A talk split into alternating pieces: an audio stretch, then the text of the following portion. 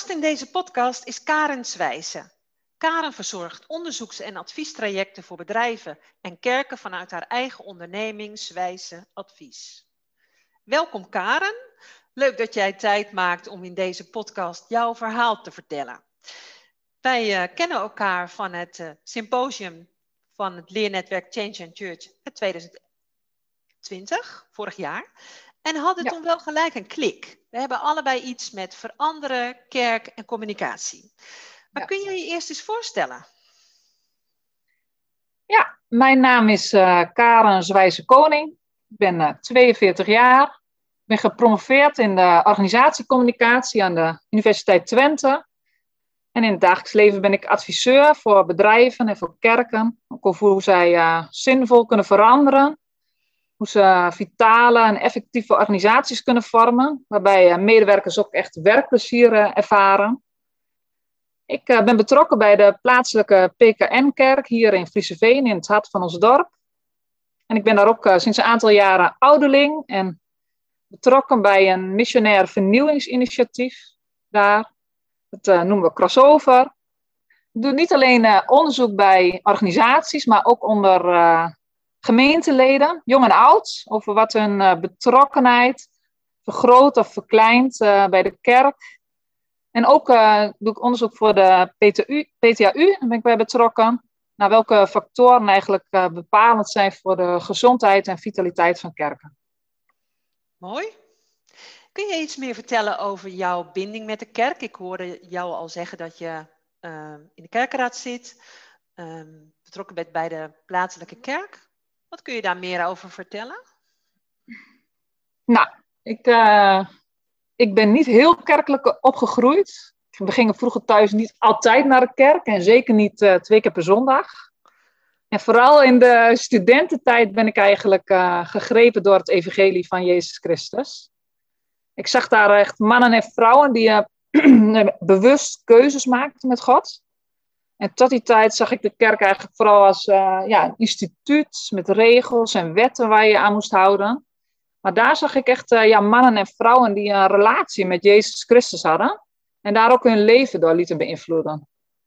En daardoor ging ik eigenlijk ook anders luisteren uh, naar preken in mijn eigen thuisgemeente.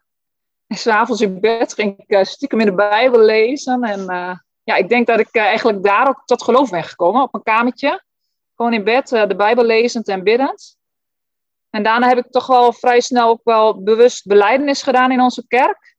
En van daaruit ook geleerd om uh, verantwoordelijkheid te nemen voor de opbouw van uh, de gemeente. En samen met een aantal mede-gemeenteleden hebben we ook de Alpha-cursus naar Frieseveen gehaald. En dat heeft mijn geloofsleven, ja, daar heeft mijn geloofsleven zich eigenlijk ook verder ontwikkeld. Ik leerde daar vooral ook meer over de persoon en het werk van de Heilige Geest. En daar op die uh, avonden van de Alpha-cursus is denk ik ook wel een beetje mijn voorliefde ontstaan voor uh, kerkelijke vernieuwingsinitiatieven, waar ik graag bij betrokken ben. En daar heb ik ook denk ik wel een stukje ontvankelijkheid voor de Heilige Geest ontwikkeld. En die neem ik nu nog steeds mee in eigenlijk alles wat ik doe. Want steeds weer, uh, ja, ja, dan merk ik van dat het erop aankomt dat we als gelovigen dat je open staat voor wat God je eigenlijk uh, probeert te vertellen. En wat hij hè, tot jou te zeggen heeft, waarin hij je wil leiden. En uh, ik heb ontdekt dat hij, hij echt een bron is van waaruit je kunt uh, leren leven. En zaken Stoppels, die is soms niet onbekend, denk ik, in dit verband. Die zegt ook dat er in het hart van de kerk eigenlijk een stukje betrokkenheid ligt op de weg en de zaak van Christus ja, en daar ben ik gewoon helemaal met hem eens. Uh, want het is goed om ons ook dan te realiseren dat eigenlijk alleen God zelf dat ja, door zijn geest in je wakker kan roepen. En uh, voor mij is, moet de kerk dan ook een plek zijn waar mensen ertoe worden uitgedaagd om Gods stem te leren verstaan. Want daar alleen door ontstaat uh, ja, een wakker en levendig geloof bij gemeenteleden. En dat zie ik echt als de basis van alles. En ja, ik heb ook uh, geleerd dat we moeten openstaan voor uh, God spreken uh, tot de gemeente als geheel. Hè, en dat we en moet, naar moeten streven dat we ons door God zelf laten leiden in de gemeente. Soms denk ik dat we dat als PKN-gemeente wel eens wat uit het oog zijn verloren. En ik moet dan ook altijd denken aan zo'n tekst als van, nou, als de Heer het huis niet bouwt, te vergeefs zoeken de bouwlieden. En ja, ik denk dat het daar echt op aankomt, van, dat God zelf voorop moet gaan. En hè, dat Hij voor ons een bron is van waaruit we kunnen leven en werken en ook dienstbaar zijn aan de kerk. En dan kan God ook tot zijn doel komen met ja, de PKN in Nederland. Ik ben ook heel blij met uh, bijvoorbeeld een cursus als uh, uh, Gods stem verstaan. En ook het werk van New Wine bijvoorbeeld. En het leven uit het bronproces van kerkraden. Omdat zij echt individuele gelovigen helpen om, en kerkraden ook helpen om afgestemd te raken op wat de geest eigenlijk aanreikt. En hoe ze daaruit bouwstenen kunnen formuleren die bijdragen aan gemeenteontwikkeling ja, daar komt het voor mij op aan. Dat we in de kerk weer ontdekken dat God, uh, God is die spreekt en die actief op ons en ons kerkelijk leven eigenlijk uh, betrokken is. En uh, ja, daar hoop ik een bijdrage aan te leveren, ook binnen het leernetwerk. En dan via me, ja.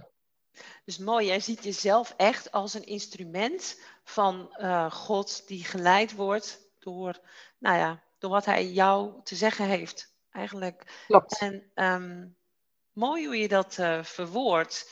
En um, ja, in het uh, leernetwerk Change and Church, het woord zegt het al, gaat het ook over veranderen in de kerk.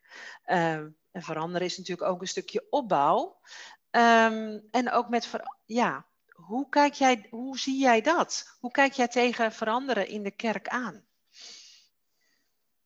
Nou, laat ik uh, vooropstellen dat ik zelf niet zonder de kerk kan hè, de gemeente en kerkdiensten zijn eigenlijk uh, de levensader van uh, mijn geloof. En dat bleek ook eigenlijk eens te meer weer tijdens deze coronacrisis. Hè, waarin we niet naar de kerk kunnen.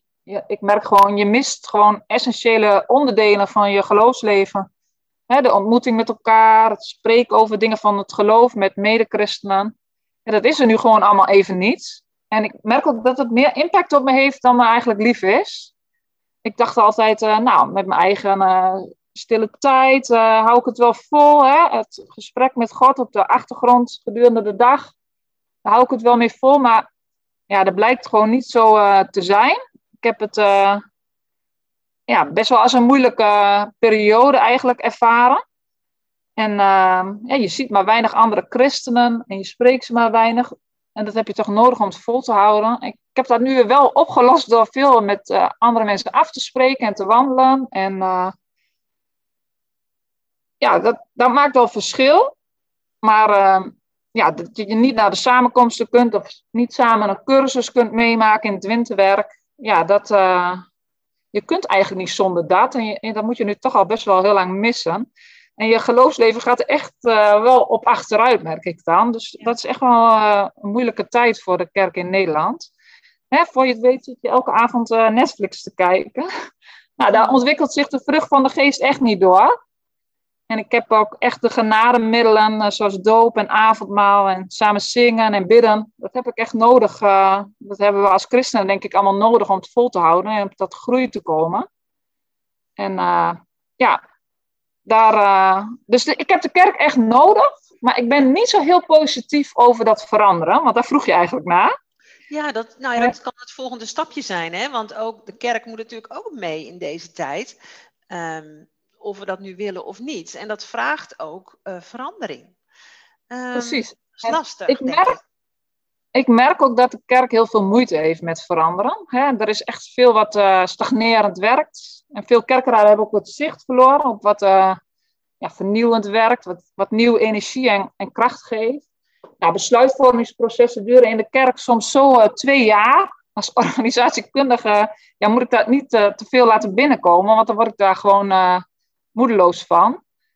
En ehm, ja, dus we moeten wel op, ehm, ja, blijven nadenken over hoe, hoe we kunnen veranderen en kunnen vernieuwen. En elke veranderaar en organisatiekundige, die kent ook wel de drie cirkels van Simon Sinek. Hij noemt het zelf trouwens de Golden Circle. En hij formuleert dan uh, een why, een how en een what.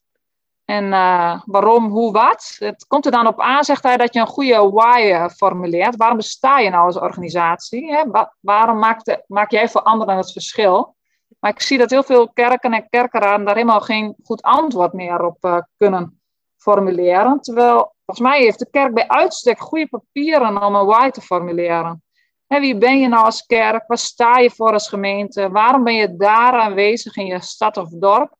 Maar dat soort vragen zijn eigenlijk helemaal ja, een beetje bedolven geraakt onder regels en procedures. Of hè, op het platteland zeggen ze dan al gauw, eh, nou zo zijn we hier dat gewoon. Dat soort uitspraken uh, zijn gaan overheersen. Maar dat is echt de killing voor een goede identiteitsconceptie uh, van je gemeente. En wat ik zie is dat ook bij veel kerkraden dan het vermogen ontbreekt om daarop in te grijpen. Dus we kunnen nog wel de analyse maken van wat er verkeerd gaat in de gemeente. En ze erkennen ook wel dat hun grootste probleem eruit bestaat dat ze uh, de regels en de procedures te veel hebben laten overheersen. En dat ze koers moeten houden hè, ten aanzien van de visie of de droom van de gemeente. Maar het ontbreekt dan eigenlijk aan de vaardigheden om zo'n vicieuze cirkel te doorbreken. En je ziet ook dat ze dan om hulp vragen. En ik hoop ook echt dat we vanuit het leernetwerk hier een bijdrage aan kunnen leveren. Dat kerkraden en gemeentes ook echt concreet geholpen gaan worden. En vaardigheden gaan ontwikkelen die hen helpen om die weg omhoog weer uh, te vinden. En wat ik zelf heb gemerkt is dat dat dan ook helpt in mijn eigen gemeente om uh, oefenruimte te creëren. En ja, ik zeg maar mijn eigen gemeente, maar ik denk dat elke gemeente in Nederland ook uh, ja, daarbij geholpen is om een soort van hè, om te experimenteren met nieuwe vormen en die nieuwe benadering van gemeenten zijn, met zo'n oefenruimte. En in mijn eigen gemeente heb ik daarom ook mede crossover opgericht. Hè. Dat noemde ik net al heel even in het begin. En met een aantal uh, teamleden zijn we toen begonnen om te reflecteren op eigenlijk, ja, wat, wat is nou de oorspronkelijke bedoeling van gemeente zijn? En dan maar schrappen aan, het, uh, aan, uh, aan alles wat het gezamenlijk doel daarin niet dient. We kwamen eigenlijk op ja, een driedeling uit van wat is nou de bedoeling van gemeente zijn. Nou, ten eerste dat het, hè, mensen leren om die persoonlijke relatie met Jezus Christus te ontwikkelen. En dat we leren omzien naar elkaar. En dat we ook uh, ten derde hart ontwikkelen voor, voor wat er in de wereld gebeurt en voor mensen buiten de gemeente. En vervolgens zijn we daar bij die drie kernwaarden echt vormen bij gaan zoeken. Om daar invulling aan te gaan geven. Ja, en dat gaat niet in één keer goed. En het wordt ook niet in één keer geaccepteerd door een overkoepelende kerkraad, die dan toch wel toch vreemd aankijkt tegen een nieuwe opzet en tegen die nieuwe vormen. En hebben hen gevraagd om vertrouwen en ook om uh, te experimenteren in die oefenruimte met die nieuwe vormen en die nieuwe manieren van kerk zijn. En uh, ja, je merkt gewoon dat, het, dat dat nu wel begint te landen. Hè? En en uh, om dan zo'n nieuwe vorm te benoemen, eigenlijk proberen we binnen Crossover ook weg te komen van het, ja, wat ik dan maar noem, het dominee-gecentreerd gemeente zijn. En dat we een gemeente proberen te zijn met in het hart eigenlijk geestvervulde gelovigen. Want ik, uh, ja, ik zie nu toch wel, ja, om, zeg ik het een beetje oneerbiedig hoor, maar dat veel kerkdiensten in Nederland toch een beetje een one-man show zijn. En dat is mooi als er een erg goede voorganger is met een stevige visie op waar het met de gemeente naartoe moet. Maar het faalt eigenlijk hopeloos als het type leiderschap ontbreekt. En daarom liggen we bij ons de opzet en de organisatie van de diensten ook helemaal in handen van het team. En je, ja, je merkt gewoon dat dat net weer een andere dynamiek geeft onderling. En we hebben ook uh, dat oudere leden van ons team die treden ook op als mentor voor jongere gemeenteleden en ze coachen hen. We coachen dan heel veel eh, jongeren om uh, hun gaven en talent eigenlijk verder te ontwikkelen binnen ons concept. Ja, en je merkt gewoon dat je op die manier wat wegkomt bij dat hè, dominee-gecentreerd gemeente zijn. Dat het allemaal draait om, uh, ja, om dat één, één persoons leiderschap. En we merken ook dat uh, hè, die oefenruimte, dat uit zich ook in dat we bijvoorbeeld uh, een flyer ontwikkelen voor elke dienst die, die je toe kunt sturen via social media of WhatsApp. En dan kun je mensen uitnodigen voor uh, de dienst. Dat doe je ook eigenlijk niet bij een reguliere uh, ochtenddienst in een gemeente. We hebben ook heel relaxed aanvangstijdstip, half twaalf beginnen we. En vooraf drinken we koffie en thee met mensen. Um, we ontvangen bezoekers en we vragen hoe het met mensen gaat. We zitten als team gewoon ook tussen de mensen. Ja, dat was allemaal voor corona. Hè? Dus ja, nu zijn het op dit moment zijn het vooral livestreams. Maar ook, we hebben ook bijvoorbeeld een keer een openluchtdienst georganiseerd. En dan, en dan mengen we ons echt onder de mensen en dan vragen we hoe het met iedereen gaat. En dan hopen we echt dat mensen zich gehoord en gezien weten bij ons. We bieden ook ministrygebed aan na afloop van de dienst. Ook daar zie je dat uh, hè, mensen met het PKN-DNA, die moeten daar heel erg aan wennen. Dat er persoonlijke voorbeden voor hen gedaan kan worden. Of dat ze daarom durven vragen. We hebben bijvoorbeeld een Q&A aan het einde. Uh, waarin mensen vragen kunnen stellen aan de spreker ter verduidelijking. En uh, ja, ik merk dat ik erg van dit soort oefenruimte uh, geniet om het eens anders aan te pakken dan in een reguliere ochtenddienst. En ja, dat, dat is gewoon heel mooi om te zien. Ja. En je ziet ook dat zo'n zo'n oefenplaats, ja, daar wil ik nog één ding van zeggen. Je ziet ook ja. dat zo'n oefenplaats de, andere kerkenraden, we hebben vier kerkenraden, we zijn een vrij grote plattelandsgemeente, maar die andere vier kerkenraden worden ook uitgenodigd om ook die nieuwe vormen te gaan proberen. En zij, je ziet bij hen ook van een stukje bezinning op van waarom, waar komt het nou op aan voor ons als uh, wijkgemeente? En je ziet ze ook langzaam ontdooien en denken van, oh ja, zo kan het misschien ook wel. Ja, en dat is, uh, dat is mooi om te zien.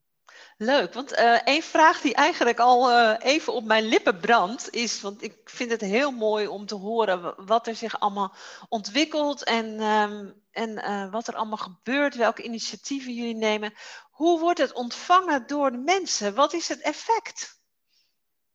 En welke rol speelt um, communicatie daar misschien ook in? Want ja, dat, dat wil ik er eigenlijk ook nog even belichten, inbrengen. Nou, um, de rol van communicatie is eigenlijk ook. Uh, ja, als communicatiewetenschapper doe ik zelf eigenlijk de hele dag. Ja, wat ik dan maar noem gebruikersonderzoek onder mensen. Daar ben je helemaal in getraind. En uh, je, je gaat gewoon na van uh, hoe, hoe komen organisatieprocessen over op medewerkers op de werkvloer. He, wat is bruikbaar voor hen en wat niet. En ja, dus in de kerk vraag mij ook steeds af van wat kunnen gelovigen nou met de inhoud van een kerkdienst en dan ook bijvoorbeeld in hun dagelijks leven. Want dat vind ik heel erg belangrijk. Hè? Dat uh, ook in zo'n oefenruimte staat dat centraal, van dat het uh, geloof uh, ook, en de inhoud van de kerkdiensten ook invloed moet hebben op het dagelijks leven, of bruikbaar moet zijn in het dagelijks leven.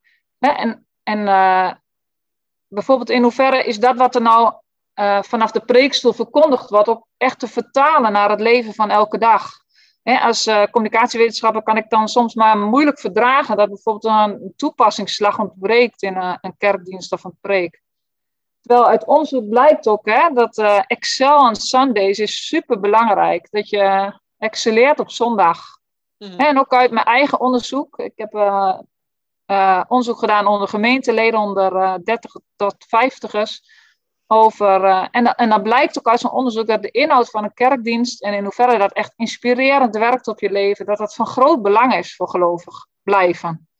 En als er dan in een kerkdienst heel veel woorden gebruikt worden, waarin soms maar moeilijk ook een vertaalslag naar het leven van alle dag te ontdekken is, ja, dan, dan zijn het soms ook wat holle frases hè, die weinig zeggingskracht overhouden. En dat vind ik soms wel eens moeilijk, want ja, geestelijke voeding is echt heel belangrijk, denk ik, voor het geloofsleven. En zondagmorgen moet je gewoon het, is het moment van samenkomen. En daarom eh, denk ik ook dat het goed is dat we streven naar diensten die aansluiten bij de leefwereld van mensen. En dat ze ook antwoord geven op vragen waar mensen mee zitten. En dat er iets van een gezinssfeer te proeven is. Hè? In, in de kerk moet het voelen alsof je deel uitmaakt van een grote familie. En uh, evangelische kerken die blinken daar trouwens al heel erg in uit. Hè? In het creëren van zo'n zo'n warme, informele sfeer. En een boodschap die take-homeable is. Hè? Zo noem je dat dan. Ja. En uh, ik denk dat daar een heel belangrijke uh, bijdrage zit van uh, communicatie. Dat je die vertaling naar de leefwereld van mensen maakt. En ja, hoe komen dingen op en over? Hoe, hoe komen dingen bij hen binnen? Zelf heb ik bijvoorbeeld heel veel gehad aan het onderwijs van Tim Keller. En ik heb me vaak afgevraagd hoe het kan dat iemand die zoveel duizend kilometer verderop woont, ehm, in een, een, hele oceaan van mij verwijderd is, dat hij toch precies weet wat mij hier in mijn kleine dorpje in Nederland precies bezighoudt. Hè, welke vragen er mij, bij mij van binnen leven. En geeft er nog een goed antwoord op ook. Dat is eigenlijk altijd heel uh, bijzonder. En dat is ook waar het om draait, denk ik, die zondagmorgen. Dat je de kracht uithaalt om uh, de week door te komen. En dat je er nog eens over nadenkt gedurende de rest van de week. En het er nog eens over hebt met een vriend of vriendin. En dat het op die manier je geloofsleven voedt. En uh, ja, als ik dan nog een, een, een, aspect mag noemen van het op hoe communicatie ook ja, de kerk kan dienen, dan zie ik ook een belangrijke rol voor communicatie bij het ophalen van geloofsverhalen van mensen.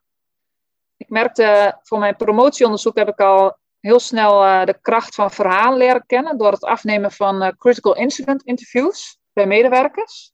Ik heb 745 critical in incidents bij langs zien komen. En in die onderscheidende verhalen, dat, dat waren vaak keerpuntmomenten in de betrokkenheid van medewerkers bij hun team of organisatie. Maar daar zaten ook heel belangrijke waarden en principes verborgen, die heel veel zeggen over de identiteit van zo'n organisatie. En daar liggen denk ik ook kansen voor de kerk van nu. Want het zou denk ik heel goed zijn om verhalen op te halen bij gemeenteleden over waarom zij nou betrokken zijn bij die gemeente en wat voor hen eigenlijk onderscheidende gebeurtenissen waren in hun betrokkenheid bij de kerk. En in dat soort persoonlijke ervaringen van mensen met de gemeente, ja, dan liggen denk ik die kernwaarden van de kerk uh, verborgen. En uh, ja, het is ook belangrijk om dan na te gaan hoe zulke persoonlijke ervaringen, uit zulke persoonlijke ervaringen zich eigenlijk ja, uh, overtuigingen gevormd hebben over de kerk. En dan kun je ook ja, als gemeente daar waardevolle informatie uithalen, ook over hoe je op betekenisvolle wijze eigenlijk kunt veranderen, zonder dat je daarbij de essentie verliest van wat het betekent om ook gemeente van Christus te zijn. Wauw, mooi zeg. Ja, ik uh, onderschrijf dat zelf uh, van harte. En om het nog iets concreter en tastbaarder te maken, ben ik ook eigenlijk wel benieuwd naar zo'n um, naar zo'n geloofsverhaal waar jij op doelt. Dus ik ga jou ook een vragen. Kun jij mij eens meenemen naar een situatie of een concrete situatie of een gebeurtenis in jouw leven waarvan jij zegt echt, wauw, op dat moment voelde ik mij geroepen om aan de slag te gaan met veranderen in de kerk? Ja, dat is een goede vraag. En uh, ja, bij bij zo'n vraag moet ik denk ik toch ook weer denken aan hoe ik begon. Hè? Dat het uh, erop aankomt dat je weer leert of te verstaan van uh, wat God tegen je zegt. En dat je zijn leiding zoekt voor je leven en ook voor uh, ja, hoe je de gemeente kunt vormgeven. Ik kan zelf eigenlijk ja, best wel veel voorbeelden aandragen. Ook op hoe God op die manier op mijn leven insprak en de richting aan gaf. Maar ik wil er ook een concreet voorbeeld, daar vraag je dan eigenlijk naar, hè? Ja, naar ja. een concreet voorbeeld van geven. Ja. En lange tijd uh, voelde ik eigenlijk niet een duidelijke roeping om in mijn dagelijks werk ook echt met de gemeente van Christus bezig te houden. Dat zag ik eigenlijk meer iets als hè, voor in mijn vrije tijd, voor in de avonduren, dat je de plaatselijke gemeente dient. Maar ehm, ik heb ook een moment gehad dat ik in een zoektocht weer ben begonnen naar nieuwe wegen om te gaan qua werk. En uh, ik weet nog dat ik uh, dat naar God had uitgesproken van Heer, wilt u me laten zien wat ik uh, voor nieuwe wegen kan inslaan qua werk. En, ja, en dan ga ik weer opletten wat ik in de Bijbel lees. En de twee dagen daarna was, de, kwam ik uit bij het Bijbelboek, Haggai. Dat stond op mijn Bijbellezenrooster om te gaan lezen. En in uh, HGI 1, uh, ja, daar werd ik heel erg door getroffen. Dat God dan tegen, uh, God uh, Serubabel en Jozua echt aanspoort om de tempel te herbouwen. Dat las ik. Beklim het gebergte, haal hout en herbouw mijn huis. Dan zal ik er wel gevallen aan hebben en verheerlijkt worden, staat er. Kijk, op het moment dat ik dat las, gewoon thuis op de bank, dan wist ik van, ja, dat is waar God mij voor roept. Hè? Dat ik ook in mijn werk ervoor inzet om zijn huis te herbouwen. Ja, en, en daar kan ik nu vandaag nog kracht uit putten uit zo'n tekst om, uh, om door te gaan. Ook als het even tegen zit, daarna weer. Maar dat ik toch weer die, die roeping voel van uh, dat ik ook mag meebouwen aan de opbouw en ontwikkeling van de kerk. En ik denk ook dat ja, God ons als theologen en veranderaars binnen het leernetwerk ja, erop toe oproept om ons blijvend in te zetten voor de herbouw van zijn huis.